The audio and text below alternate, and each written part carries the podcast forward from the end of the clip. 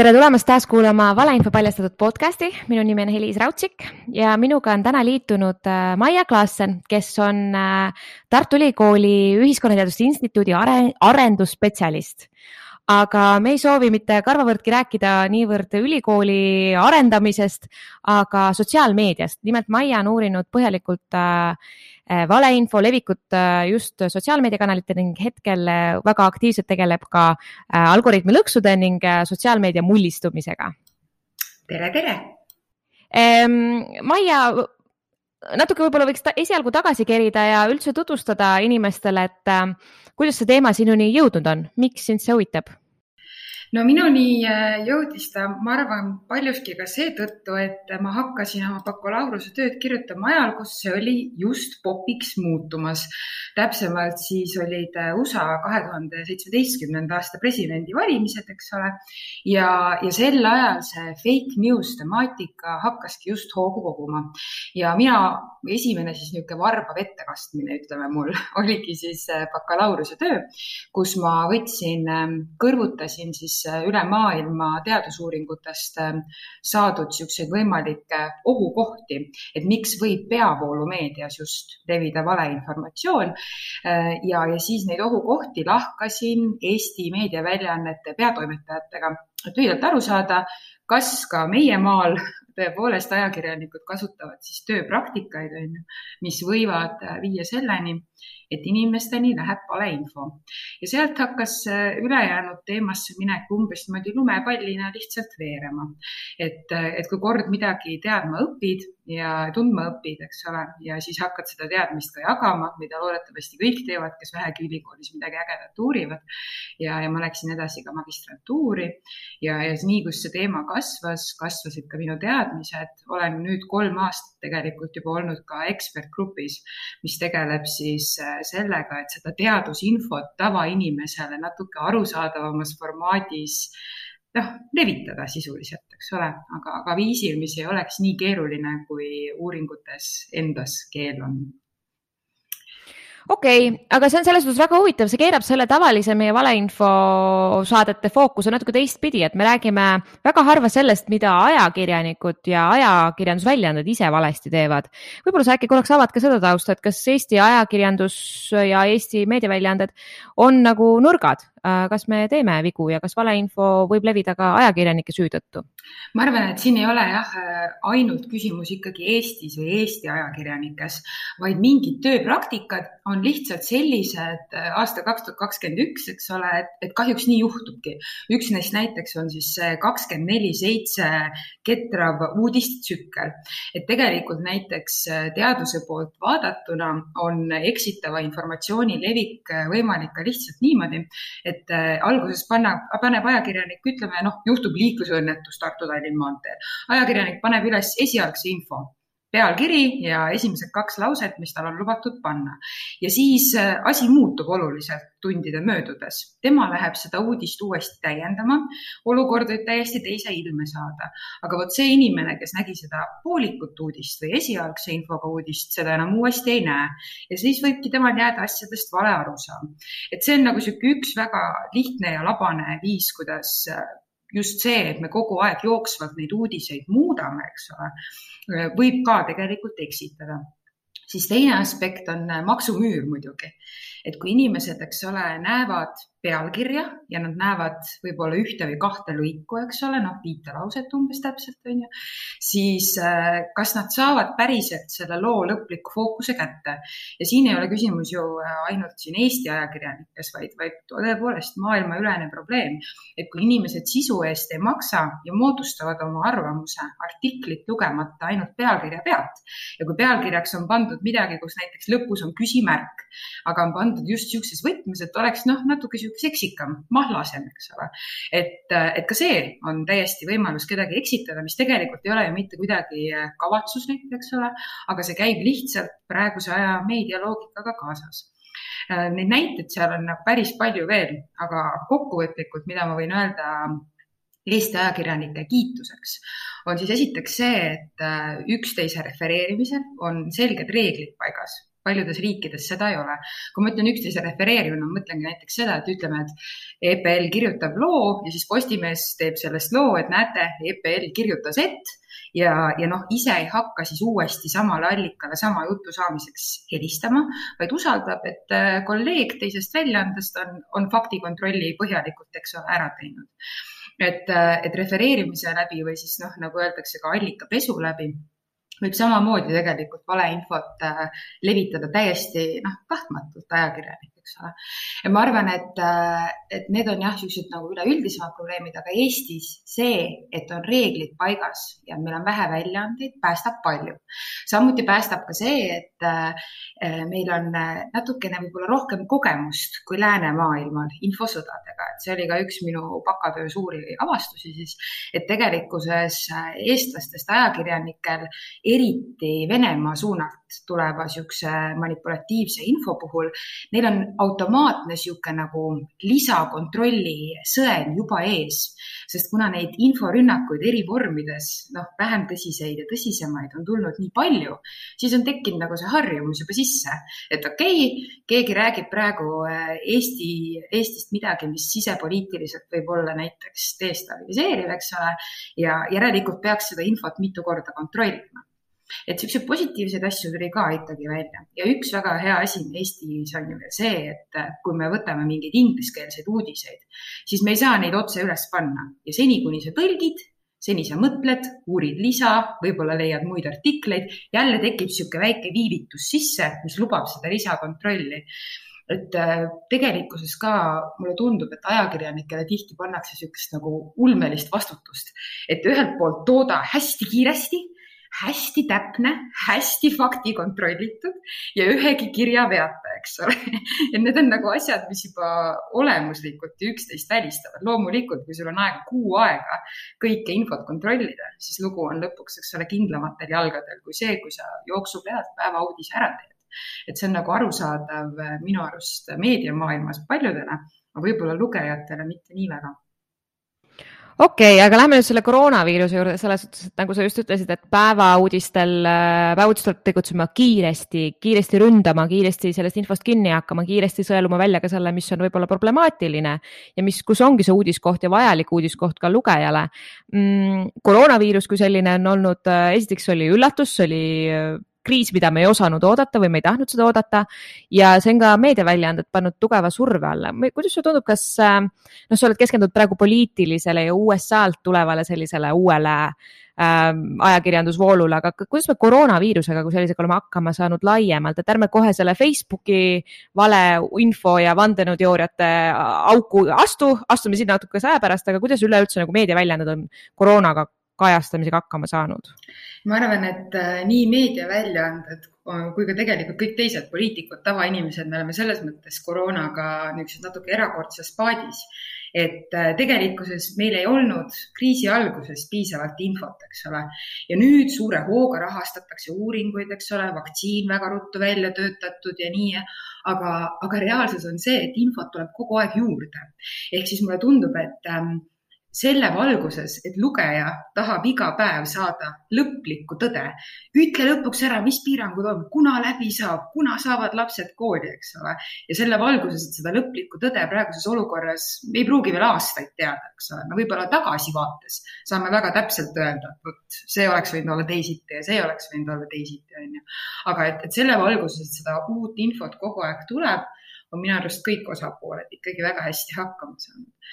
Küsimus on nüüd äh, ka muidugi selles, et ähm, nagu alati ütleme, siis valeinformatsiooni ümberlükkamisega meedias tekib alati, eks ole, küsimus, nagu sa faktikontrollijana tead, et peab korraks kaaluma, et kas see, et ma selle valeinfo ümber lükkan, on väärt seda, et ma tegelikult ikkagi mingis mõttes tõstan sellele taas tähelepanu, eks ole, et ma tõstan selle jälle inimeste meeles esile noh, kasvõi juba sellega, et nad tulevad ja näevad seda, eks ole, mingi veebiväljaande esiküljel, võib-olla ei ava artiklit, näevad ainult, et kontrollitakse sellist fakti, on ise otsustanud juba ette, et nemad teavad, kuidas see väga on, eks ole, ja siis see kinnistub jällegi rohkem. et, et see on koht, kus ma ütleks, et kõik ei ole võib-olla ühtemoodi hästi hakkama saanud, aga jällegi minu arust jooksvalt praegu hinnata seda, kuidas, kuidas nagu meedia ja valitsuse ja kõigi toimetulek on olnud, ongi raske. sellepärast, et me ei oska ennustada, mis edasi saab ja me alles tagasivaates saame lõpuks tegelikult kindlalt öelda, et oleks võinud nii või oleks võinud naa hästi ähm,, lähme nüüd selle sotsiaalmeedia juurde. äkki sa kirjeldad üleüldse, mis asi on sotsiaalmeedia lõks, mis see tähendab ja kuidas need tekkinud on? no sotsiaalmeedia kui selline ongi üks suur lõks. Ehk siis äh, tegelikkuses, kui me nüüd korraks astume sammu tagasi ja mõtleme Facebookile, Instagramile, kõikidele nendele teistele platvormidele, mida me kasutame, eks ole, siis päeva lõpuks on tegemist äriettevõtetega ja juba see, et meie saame kasutada, kasutada, eks ole, kel, teenust, mida keegi arendab suure raha eest välja, on palju servereid ja nii edasi, juba see peaks meist panema niisuguse väikse ohutule tööle, et oot-oot-oot küllap siin nagu midagi muud taustal on. ja, ja päeva lõpuks see, et meie tasuta seda kasutame, ei tähenda ju, et sotsiaalmeediaplatvormid midagi ei müü. mida nad siis müüvad? Nad müüvad A reklaami ja B müüvad andmeid oma kasutajate käitumise kohta noh, väidetavalt küll täiesti isikustamata kujul, seda on mõned uuringud äh, ümber lükanud, kuivõrd isikustamata see päeva lõpuks ikkagi on. aga et, et selle asja mõte on siis, eks ole, see, et meie scroll ime, me like ime, me kommenteerime, vahepeal jääme mingit asja lugema, mingist asjast ketrame väga kiiresti mööda ja selle kõik salvestab äh, algoritm siis ära ja, ja siis tehakse niisugune nagu väike digiavatar meist sisuliselt, et, Facebookil ja Instagramil mõlemal eraldi on olemas mingi ettekujutus, mis tüüpi inimene me oleme, mida me näha tahame, mis meid paneb kaasa elama. vahet ei ole isegi ju, kas sinu positiivne või negatiivne emotsioon. kui sina kuidagigi reageerid, siis see väljendub selles, et sa oled postituse peal rohkem sekundeid ja see kohe läheb siis kirja, et a la näiteks digiavatar Maia jäi pikaks ajaks lugema mingisugust äh, ma ei tea, juukse kasvatamise vitamiinide reklaamteksti ja siis tuleb neid reklaame kohe kakskümmend korda rohkem, eks ole. ehk siis sisuliselt meie kasutamine seal platvormil ja meie käitumismustrid ja needsamad digiavatarid, mis on siis sisuliselt info selle kohta, kuidas meie tähelepanu püüda. see ongi see, mida sotsiaalmeediaplatvormid müüvad.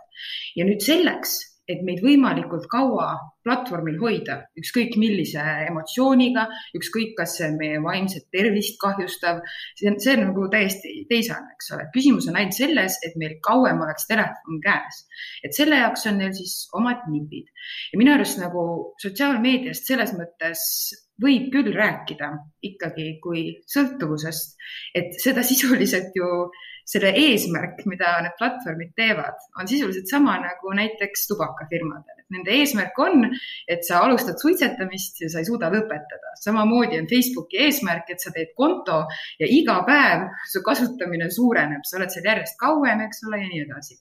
ja selleks, et seda teha, siis algoritm näitab sulle sisuliselt sisu, mida ta arvab, et sa tahad. ehk siis sisu, kus sa oled pikalt reageerinud või mis on sind pannud edasi sama, sama märksõnaga asju otsima või kus sa oled palju kommenteerinud ja nii edasi, on ju. ja, ja see tekitab siis selle olukorra, kus sisuliselt tänu algoritmile sa ei näe enda ajajoonel mingit päris reaalsust, vaid sinule tekitatakse algoritmi poolt sinna reaalsus, mis nad arvavad, et võiks sulle kõige rohkem meeldida ja sind seal kõige kauem hoida. et üks hästi huvitav näide minu arust on Youtube'i vilepuhuja tegevus internetis. Youtube'i vilepuhuja, kelle nimi mul meelde ei tule, ma ei hakka ausalt öeldes ka üritama, sest see oli midagi hääldamatut minu mälu järgi aga eh, sisuliselt siis juba neli aastat tagasi tuli sealt Äh, töölt ära ja hakkas siis äh, levitama avalikkuses infot selle kohta, kuidas need algoritmid tegelikult viivad sind tohututesse jäneseurgudesse ja kuidas ainus eesmärk algoritmil ongi ikkagi sulle šokeerivat sisu näidata, sest kui sa oled šokeeritud, siis sa oled kauem seal, eks ole. vahet pole, kas sa mõtled sellest hästi või halvasti et äh, see konkreetne näide, mis mulle väga meeldis sealt, mis on jätkuvalt internetis ka kättesaadav, on siis ähm, sellest, kuidas ta hakkas otsima infot Michelle Obama kohta ja vaatas ühe video Youtube'is Michelle Obamast ja järgmised videod, mida soovitati väga radikaalselt, läksid kohe vandenõuteooriate juurde. ehk siis tahad vaadata videot Michelle Obama kõnest ja järgmine video oli midagi sellist, mis üritas tõestada, et Michelle Obama on tegelikult mees ja sealt edasi, eks ole, läheb järjest, järjest sügavamale valeinfo ja niisuguse väljamõeldud informatsiooni lõksu. Kas kassi, kas kassi videod saavad ka Youtube'is moonduda millekski vandenõuteoreetiliseks või see tundub täiesti sürreaalne, et kassi ja kutsa videod on ju kassi ja kutsa videod, mis seal ikka pahasti saab minna aga kui sa oled inimene, kes vaatab kassi ja kutsa videoid, kes varasemalt on vaadanud palju vandenõuteooriate videoid, siis algoritm absoluutselt leiab viisi sulle soovitada, et näiteks kõik Statoili hot dogid tegelikult on kassilihast. see ei ole, see ei ole fakt, ma tõin näite suvalise, et, et aga nagu selles mõttes algoritm teab, ta teab su kalduvust ta teab su kalduvust neid asju uskuda, teab su kalduvust neid asju jagada. kui sa näiteks jagad postitusi ilma, et sa neisse süveneksid, sa iga kord ütled algoritmile, et see on teema, mis mind huvitab ja ma ei kavatse selle kohta väga palju lugeda, aga ma levitan seda ja ka seda algoritm teab. ehk siis mul on tunne, et me kohati alahindame seda, kui hästi soovitusalgoritmid tegelikkuses meid tunnevad okei okay,, see puudutab Youtube ja keegi Facebooki juurde ka korraks naastes äh,. miks see halb on, kui ma tunnen, et Facebook ongi minu jaoks koht, kus ma tahangi päriselt ainult näha seda, mida teevad minu sõbrannad ja minu sõbrad äh,, kuidas nende lapsed elavad, kuidas nende emad-isad elavad äh,. ma ei tahagi lugeda sealt Delfi ja Postimehe uudiseid, mind ei huvita Kaja Kallas või Martin Helme. ma tahangi elada selles mullis. miks ma seda teha ei või, miks see halb on? Sest see jätab sulle mulje, et maailm on teistsugune, kui ta tegelikult on. Ja ma siin väga rõhutan, et äh, tihtipeale inimesed arvavad, et kui räägitakse valeinfo levikust või vandenõuteooriate levikust, eks ole, et ongi mingid teatud tüüpi inimesed, kes kogu aeg lõksu langevad, aga tegelikult on see skaala väga lai. Ja sinna keskele on just inimesed, kes äh, noh, jagavad asju, mis neile tunduvad tõesed ja selles, mis tundub tõene, on nüüd kaks kihti inimestel. üks on seesama platvormi loogika, need algoritmid, eks ole, mis meile näitavad seda, mida me tahame näha. aga teine osa on meie vajadus sotsiaalse heakskiidu järgi. ma toon niisuguse näite näiteks. kui ähm, ütleme, et tahad osta endale kleiti, mis iganes poest, no suvaline silt jälle külge, H&M-i poest tahad osta kleiti. Nende eesmärk on sulle see kleit maha müüa, eks ole. sinu eesmärk on teha kaalutletud otsus, mõelda sellele, kas ma ikka näen selles hea välja, kas see hind on normaalne, kas see on eetiliselt valmistatud ja nii edasi, onju. aga kujuta nüüd ette, et selle asemel, et minna lihtsalt poodi proovikabiini, ise vaadata ennast, võib-olla teha pilt, saata Peikale, kas mu tagumik näeb liiga paks välja. minu stiil isiklikult siis, siis mõtle nüüd, kui oleks paralleelolukord, et kohe, kui sa selle kleidiga lähed äh, kabiini, tuleb kakskümmend viis inimest täitsa võõrad sinu jaoks, kes kõik plaksutavad, ütlevad fantastiline, ma pole kunagi näinud kedagi nii ilusas kleidis, sa näed uskumatu välja, kõik kiidavad takka, see muudab su arvamust sellest kleidist, eks ole. ja seesama loogika kehtib sisuliselt ka sotsiaalmeedias. ehk siis loomulikult seal ei ole midagi valet, kui sa tahad endale sarnaselt mõtlevate inimestega sind huvitavatel teemadel rääkida aga kui sa teed seda ainult sotsiaalmeedias, kus algoritmid, eks ole, topivad sulle asju ette ja kus, olgem ausad, stiil on üldiselt see, näiteks kui me mõtleme mingite spetsiifiliste huvidega gruppidele. on ju väga selge üldine arvamus, kõik kiidavad takka ja like ivad, kui sa lähed selle üldise arvamusega kokku ja kui sa ütled sellele midagi vastu, siis tuleb, eks ole, sõda, teisiti mõtlejad, noh, pannakse kõrvale. sotsiaalmeedia ei soodusta oma iseloomult mitte kuidagi seda, et oleks kahe mündi poolega tutvumine, eks ole. ja inimesed ise on kahjuks äh, selliste kalduvustega, et esiteks, see on nüüd siis teadusuuringute kokkuvõte praegu paljuski psühholoogia valdkonnast, et esiteks äh, meile tundub tõene info, mis läheb kokku asjadega, mida me varem oleme tõeseks pidanud näiteks kleidi näite puhul siis mul on punane kleit, eks ole, ma olen varem arvanud, et mulle need punased kleidid sobivad. keegi plaksutab mulle, suurepärane värv sulle, ma ütlesin mm, -hmm, ma teadsin seda juba, eks ole, kaldume seda uskuma. samamoodi on meil kalduvus arvata, et me oleme natukene targemad kui teised meie ümber. et äh, me kipume, noh, meie ego, eks ole, tuleb siin mängu. ehk siis, et näiteks väga levinud äh, selliste ähm, vandenõuteooriate või valeinfo aukukukkujate juures on ju see, et, et nad mõtlevad, et ähm, nemad on nüüd need, kes on mingi suure asja läbi hammustanud ja ülejäänud inimesed käivad ringi ja on pimedad. aga neid ei saaks kunagi petta, sest nad on lihtsalt selleks liiga targad. Nad oskavad liiga hästi andmeid äh, filtreerida, no see on see vana hea I have done my research, eks ole, ja kui palju erinevaid asju see väljend võib tegelikult tähendada. et, äh, et see on nagu ühelt poolt platvormid tõepoolest, aga teiselt poolt täiesti inimlikud nõrkused, mis, mis meie juures on. ja sotsiaalmeedias tekivad siis, eks ole, kaks sellist ähm, noh, võimalikku olukorda, mis jällegi hästi lihtne on siis valeinfo küüsi langeda.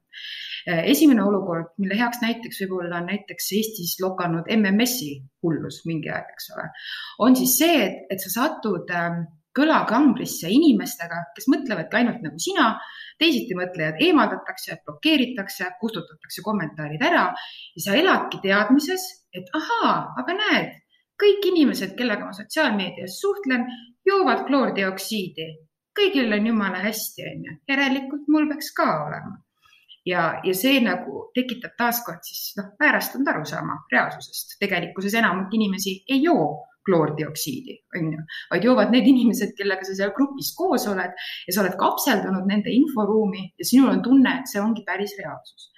ja, ja teine pool siis, mis, mis võib nagu ütleme, viia halvale teele või, või siis ma ei teagi, ma ei taha öelda halb hea, ütleme siis, et võib viia meid arvamusteni, mida me tegelikult ei ole ise välja mõelnud, vaid mis on meile väga peenelt pähe istutatud. on, on siis see, kui noh, seesama soovitusalgoritmide ja näiteks ka Google'i otsingu algoritmide teema, kus on infomullidesse kapseldumine.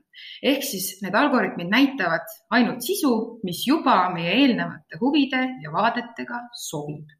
ja see kõik kokku jah, tekitab olukorra, kus äh....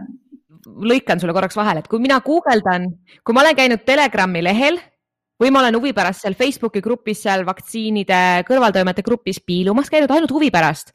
mind huvitab, kuidas teisiti inimesed mõtlevad.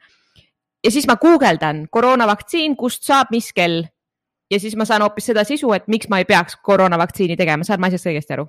sisuliselt küll, jah, et, et siin on üks niisugune huvitav kiht on soovitusalgoritmidega jah, see, et esiteks, mida sa oled varasemalt vaatamas käinud, aga teine kiht, mis minu arust teadus, teaduses on väga hästi ära noh, eksperimentidega tõestatud, on see, et kui me juba midagi usume, siis me kirjutame niisugused otsingusõnad, et meile saabki ainult meie soovitud vastus tulla. ehk siis sinu näite puhul näiteks sellest sõltuvalt, kas sa paned otsingusse, kas ma peaksin koroonavaktsiini tegema või siis koroonavaktsiini mittetegemisest tulenevad probleemid, eks ole, või siis ma ei tea, mis saab, kui kogu maailm enam ei vaktsineeriks, sa saadki väga erinevad tulemused. ehk siis see on jälle see meie aju väike trikk, et tegelikkuses mis meie automaatreaktsioon on, kui me lähme infot otsima, ei ole mitte see, et vaatame mündi mõlemat poolt, vaid meie automaatreaktsioon on panna siuksed otsingusõnad, mis kinnitavad, mul oli tegelikult kogu aeg õigus. ehk siis äh, hästi palju peab olema niisugust eneseteadlikkust, kui sa kavatsed nendes soovituse algoritmide maailmas elada. alternatiiv on äh, kas siis surfata private tab'is, eks ole, incognitoga, nagu paljud porno vaatamisel kindlasti on juba selgeks saanud ja, ja teine alternatiiv on siis kasutada teisi otsingumootoreid, on ju, et Google'is saab otsingu, otsingus küll need soovitused välja lülitada, aga kui teil on Google'i konto, Gmaili konto, minu kogemus on, et isegi kui sa paned selle, et ära soovita mulle, siis tulevad ikkagi personaliseeritud vastused.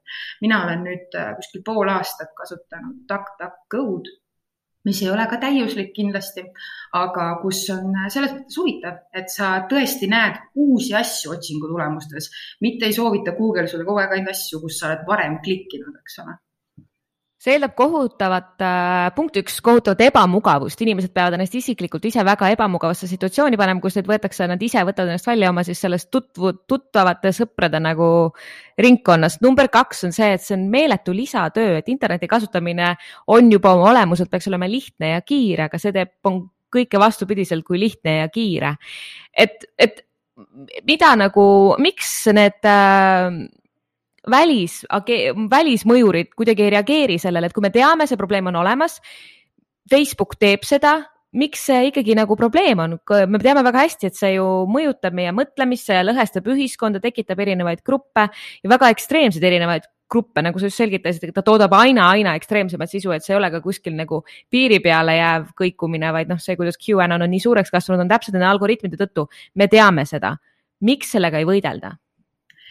Jah, see on niisugune taaskord kahe otsaga asi, et tegelikult ju näiteks koroonaepideemia alguses ainult paar nädalat pärast esimesi raporteid Maailma Terviseorganisatsioon ütles, et meil on ka infodeemia, eks ole, meil levib eriti suurtes hulkades manipulatiivset valeinfot, mille eesmärk on ühiskonda lõhestada, tekitada inimestes segadust, usaldamatust riigi institutsioonide ja peavoolumeedia suhtes eks ole. ja, ja noh, sellest hoolimata, et me kõike seda oleme teadnud, mõtleme ka Eestis. meil on ju piirangutest no praktiliselt iga nädal juttu, me väga selgelt teame, et meie valitsus tegeleb sellega. kas valitsus tegeleb ka sellega, kui palju valeinformatsiooni levib?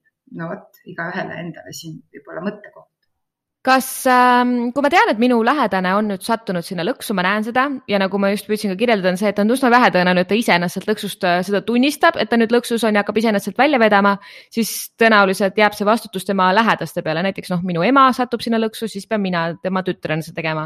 Või minu hea sõbranna teeb seda, siis pean mina sellega tegelema. Kas see on õige, kas see on üldse moraalselt õige ja kui siis ma otsustan, et jah, ma tahan aidata, mis ma siis tegema peaksin? No teadus äh, väga selgelt räägib kogu aeg jah, mikrosekkumistest ehk siis just sellest, et, et suure muutuseni jõuame siis, kui kõik teevad palju väikseid samme. aga see, et kuidas see mikrosekkumine käib, sellele veel otsest niisugust vastust ei ole. aga oma kogemuste põhjal. Ähm, mina soovitaksin võib-olla silmas pidada siin kolme asja esiteks ma soovitaks silmas pidada korraks või noh, mõelda sellele, et kas lähedastega alustamine kohe niisugustel teemadel on parim variant, ehk siis ma soovitaksin teha testvaidlusi, kas siis äh, Facebookis tõesti kommentaariumis kellegiga argumenteerida nii, et sa ei ründa kordagi nende isikut, eks ole, et sa oled, äh, suudad vahet teha arvamusel, mis põhineb, eks ole, kas kogemusel või millelgi muul ja faktil, mis on siis emotsioonitu fakt on fakt, hoolimata sellest, kas ta sulle meeldib või ei, on ju. ja, ja et sa suudad neid eristada nii enda kui vestluskaaslase juures, et sa suudad ründamata ja kordagi karjumata, et do your research või guugelda ise suudad päriselt tuua argumendid ehk siis suudad öelda, mina arvan nii, siin on põhjus, miks ma nii arvan ja siin on tõestuslink. kui sa oled selle esimese testi suutnud ära teha, et, et sa suudad rahulikult ja väärikalt, eks ole, ilma kedagi sõimamata seda vestlust võõra inimesega pidada, siis võiks nagu lugeda ennast sobilikuks ka lähedastega suhtlema. ja siin on nüüd siis kaks asja veel, millele mõelda esimene osa seal lähedastega suhtlemisel on see, et me peaks olema hästi teadlikud iseenda päästikutest ehk asjadest, mis meid panevad karjuma või noh, minu puhul vähemalt karjuma, temperamentne inimene. ma võin näite tuua, mina näiteks sain aru, et kõikide vandenõuteooriate ja valeinfo teemaliste vaidluste juures minule tohutult mõjub ärritavalt, kui keegi, kelle puhul ma tean, et nad on äh, lõpetamata äh, keskharidusega näiteks, nad tulevad rääkima mulle ja nagu tulevad tõlgendama või ümber lükkama asju mis on, eks ole, doktorikraadiga teadlastelegi veel kahtlaselt arusaamatud. ehk siis, et mina sain aru, et kuna mina olen suure osa enda elust pannud hariduse omandamisele, kuna mina pean seda oluliseks inimese arengu juures ja arvan, et see annab sulle oskuse tõlgendada ka andmeid, mis ei ole sinu valdkonnast, siis kohe, kui keegi väga madala haridustasemega hakkab rääkima mõne eksperdi hinnangust ja seda ümber lükkama, siis see automaatselt ärritas mind. ma isegi ei süvenenud argumenti, vaid ma mõtlesin lihtsalt sellele, et sina, Jüri, mine õpi üheteistkümnenda klassi füüsika selgeks enne ehk siis see enda päästikute äratundmine on nagu oluline asi, et mitte tülli minna, on ju. sellepärast, et tegelikkuses äh, sinu vestluskaaslane ei vastuta selle eest, et miski ajab sind põhjendamatult endast välja, on ju. see on sinu enda vastutus ja kuni sa sellises osas ei oska ennast analüüsida, siis võib-olla sa ei olegi parim inimene oma lähedastega rääkima. aga ütleme, et oled äh, ja ütleme, et ähm, et sa oled juba lähedastega ka natukene seda rääkinud, et, ähm, et kuidas ähm, noh, et, et te olete üksteise lähtepositsioonid ehk siis niisugune eeldus või lähenemine mingile teemale on selgeks saanud. siis üks asi, mida endalt võiks äh, korraks veel küsida vestluse alguses, on ka see, et kas sa oled päriselt ise ka valmis oma arvamust muutma, kui keegi sulle häid tõendeid esitab. ehk siis kujuta ette, kui sa lähed vestlusesse, kus üks inimene on automaatselt veendunud, et tal on absoluutselt õigus ja ümberlükkamist ei ole.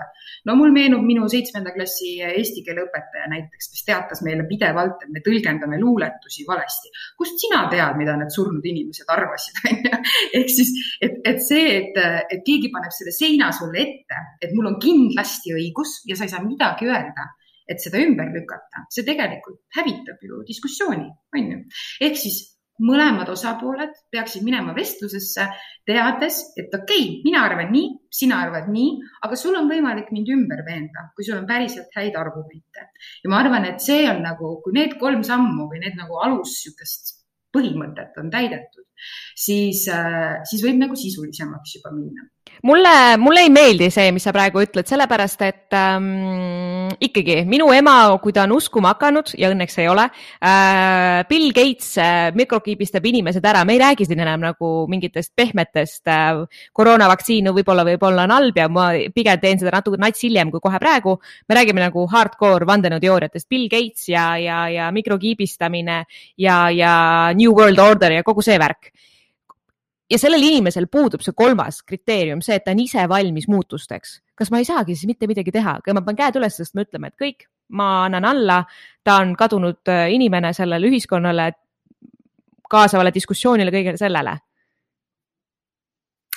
ei, ma ei ütle, et sa ei saa midagi teha, ma ütlen, et sinna ei tohiks panna sellisel määral energiat sisse nagu sellisel juhul, kui need kolm eeltingimust on täidetud.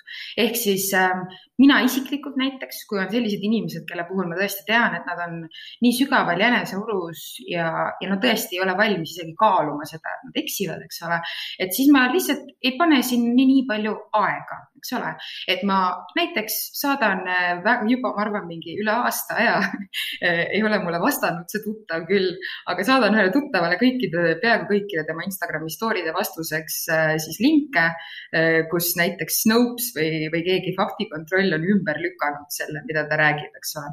ta ei vasta mulle, aga ma tean, et ta näeb neid ja ma tahan, et ta teaks, et inimesed ei ole temaga automaatselt nõus. selles suhtes, kui sul on vähe energiat ja sa tunned, et sa tõesti selle inimesega ei ole mõtet vaielda, aga sa näed, et ta valimatult Äh, Facebookis levitab asju, siis ikkagi lihtsalt lingi panemine või kasvõi ma ei tea, naeru näoga react imine mingile temale tõsisele, aga absurdsele väitele, see on ka juba midagi, absoluutselt. küsimus on jah selles, et, et enamasti lähedaste või selliste noh, meile oluliste inimeste puhul me tahame hästi palju aega sisse panna, aga kui sa analüüsid seda protsessi juba ette ja sa näed, et tegelikult see inimene ei ole valmis mind isegi kuulama, siis sa võiksid oma energiat hoida neile, kellega sul on mõtet vaielda, on ju. ja, ja noh, tõesti lennata peale võib-olla vähem suure kaarega. et, et kui sa lähed ikkagi ähm, eesmärgiga päriselt kellegi arusaamasid muuta, siis sa pead olema ka ise avatud, eks ole, ja, ja selles mõttes ongi raske, et eriti kui on tegemist millegi väga absurdsega, siis on üsna raske ise avatud olla, on raske seda teha empaatiavõimega, aga jätame empaatia kõrvale, sa ei pea aru saama, millest tulenevalt, eks ole, inimene on selliste arusaamadeni jõudnud. lihtsalt pane ennast nende kingadesse. see on inimene, kes tõesti näiteks siis arvab, eks ole, et ma ei tea, koroonavaktsiiniga tuleb kaasa mikrokiip. see on tema positsioon mõtleme nüüd tema positsioonilt, kuidas kõik need ülejäänud asjad ka sinna juurde ehituvad, eks ole. ja, ja siis selle baasilt sul on ikkagi lihtsam vestlust alustada praegult räägime sellest äh, valeinfost äh, hästi põneva nurga alt, mille alt võib-olla väga vähe kajastatakse seda, ma lihtsalt küsiks nagu, mida sa arvad ise? ühesõnaga, valeinfot nähakse kui sotsiaalset probleemi, ühiskondlikku murekohta, mida siis peab ühiskondlike vahenditega lahendama.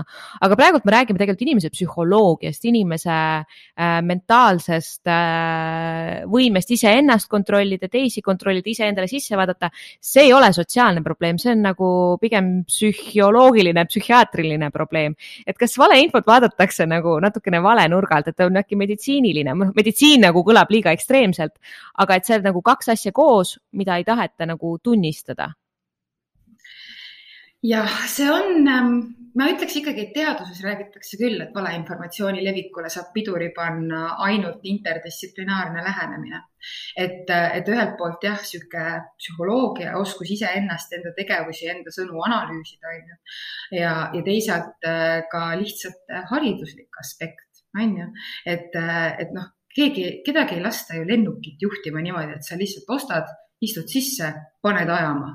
Aga selleks on, eks ole, välja mõeldud ühiskondlikul sõel, et ainult inimesed, kellel on piisavalt oskusi ja teadmisi selle vahendi kasutamiseks, seda teeksid, on ju. aga, aga sotsiaalmeedia puhul loomulikult seda ei eksisteeri, on ju.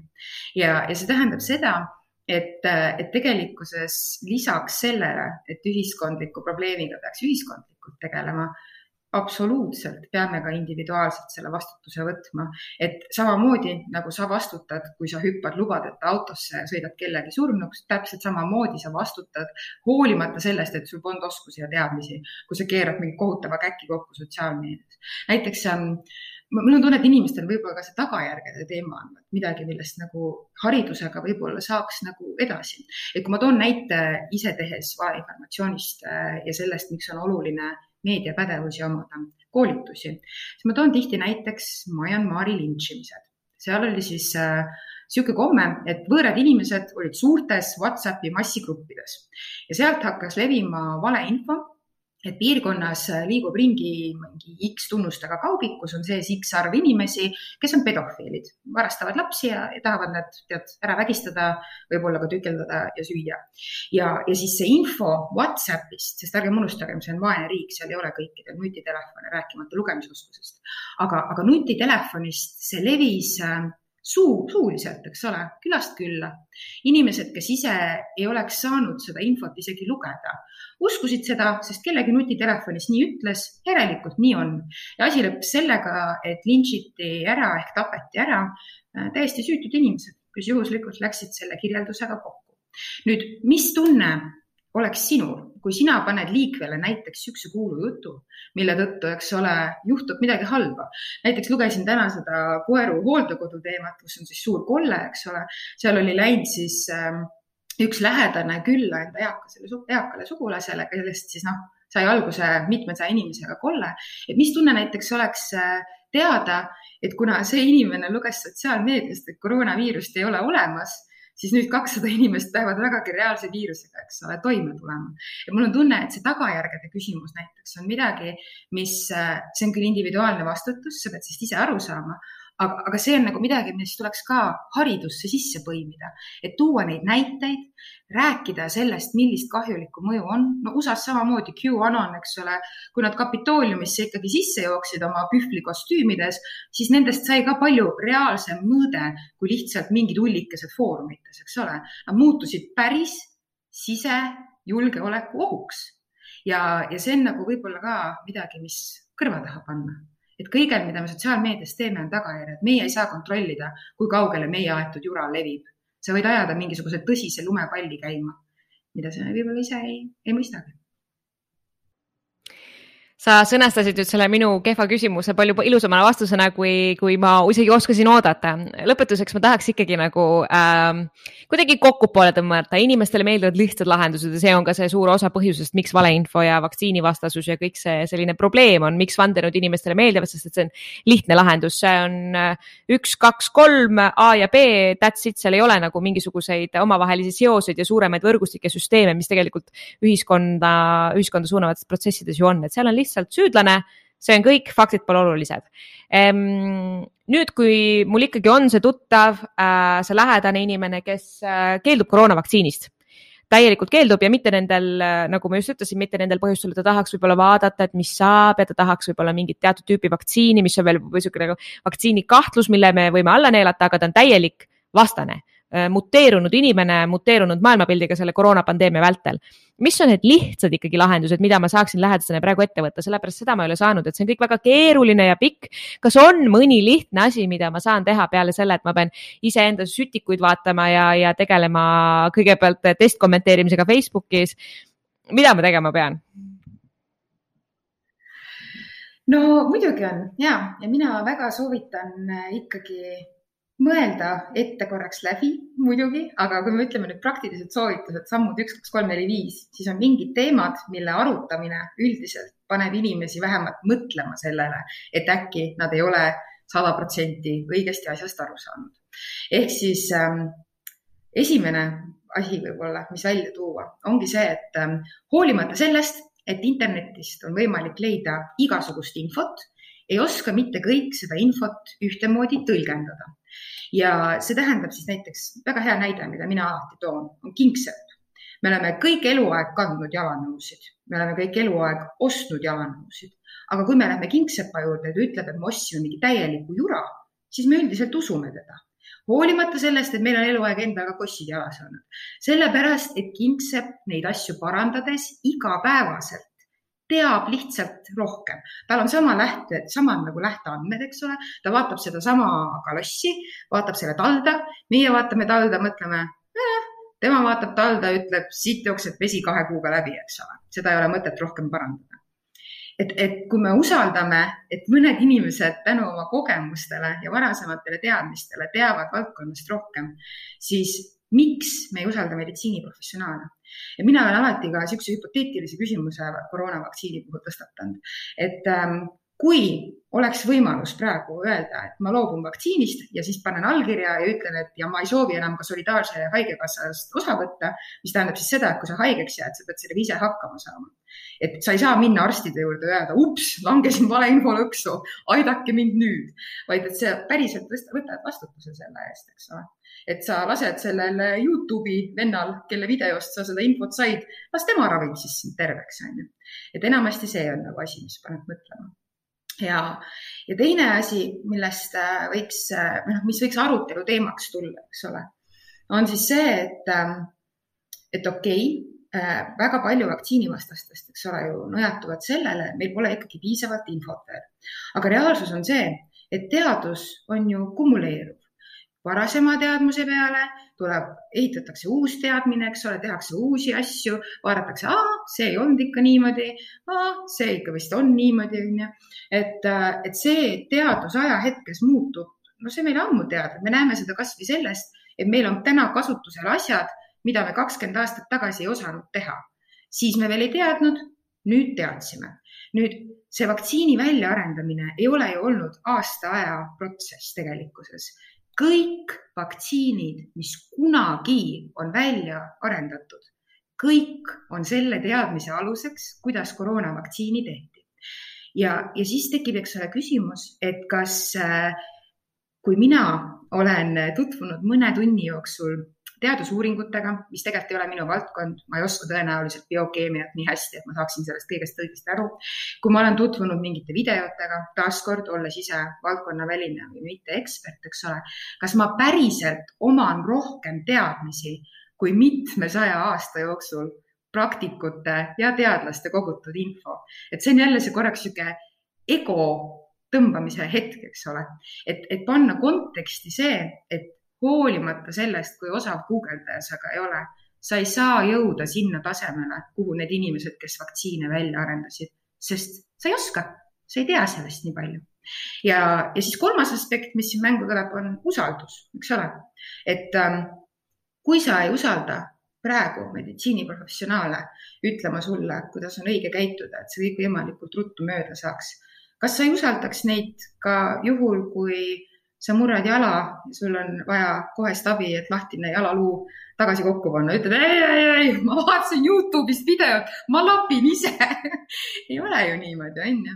et tegelikkuses see enamikel inimestel see usaldus meedikute vastu, eriti Eesti supertervishoiusüsteemiga on ju olemas.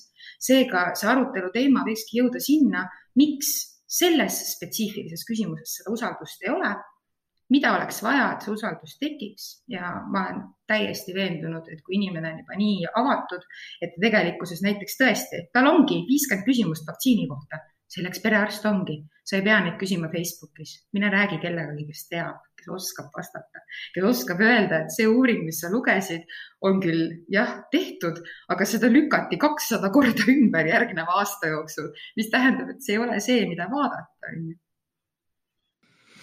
aitäh sulle, Maia, aitäh, et sa ütlesid seda lõppu just äh, Facebooki faktikontrolli partneri suust kuuldes, see võib-olla ei ole sama mõjuga, kui see on sinu soost tulles, aga perearstid tõepoolest äh, minu kogemuse läbi vastavad ka kõige rumalamatele küsimustele valmis vastama. peaasi, et lihtsalt, et oleks meditsiiniinimese poole pöördutud, mitte jah Facebooki poole. Äh, minul oli väga põnev vestlus. Ähm, kuigi ma selle teemaga iga päev tegelen, siis ma sain ikkagi palju uusi huvitavaid näiteid. aitäh sulle ja edu. edu